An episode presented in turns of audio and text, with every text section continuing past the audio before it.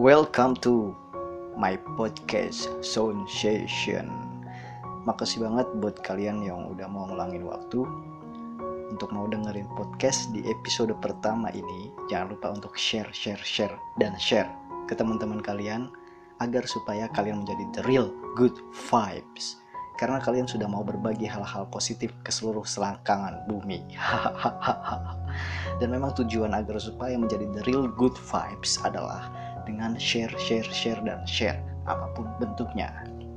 Oke, pada kesempatan kali ini uh, gue mau membahas sedikit hal tentang the real good vibes. Jadi the real good vibes itu nggak perlu dicari di mana pun kalian berada.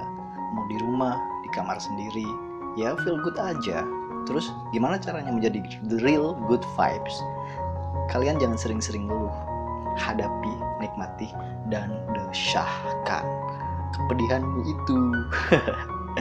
harus terima segala kenyataan. Jangan memaksa ataupun menolak apa yang harus kamu rasakan.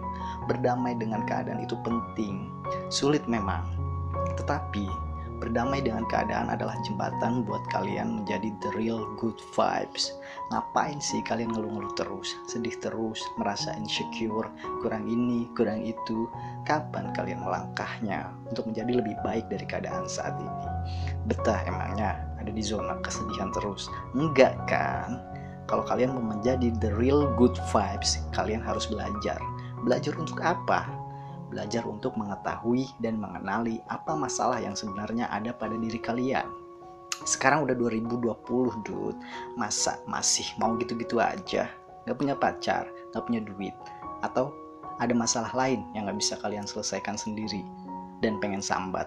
DM aja, aku available kok buat kalian dan dengerin keluhan kalian. Oke, cukup sekian rujukan untuk membuat the real good five yang bisa gue sampaikan. Semoga bermanfaat dan sedikit bisa kasih perubahan untuk pola pikir kalian. Kalau ada yang belum jelas, bisa komen-komen ya. See you and have a nice day. Bye-bye.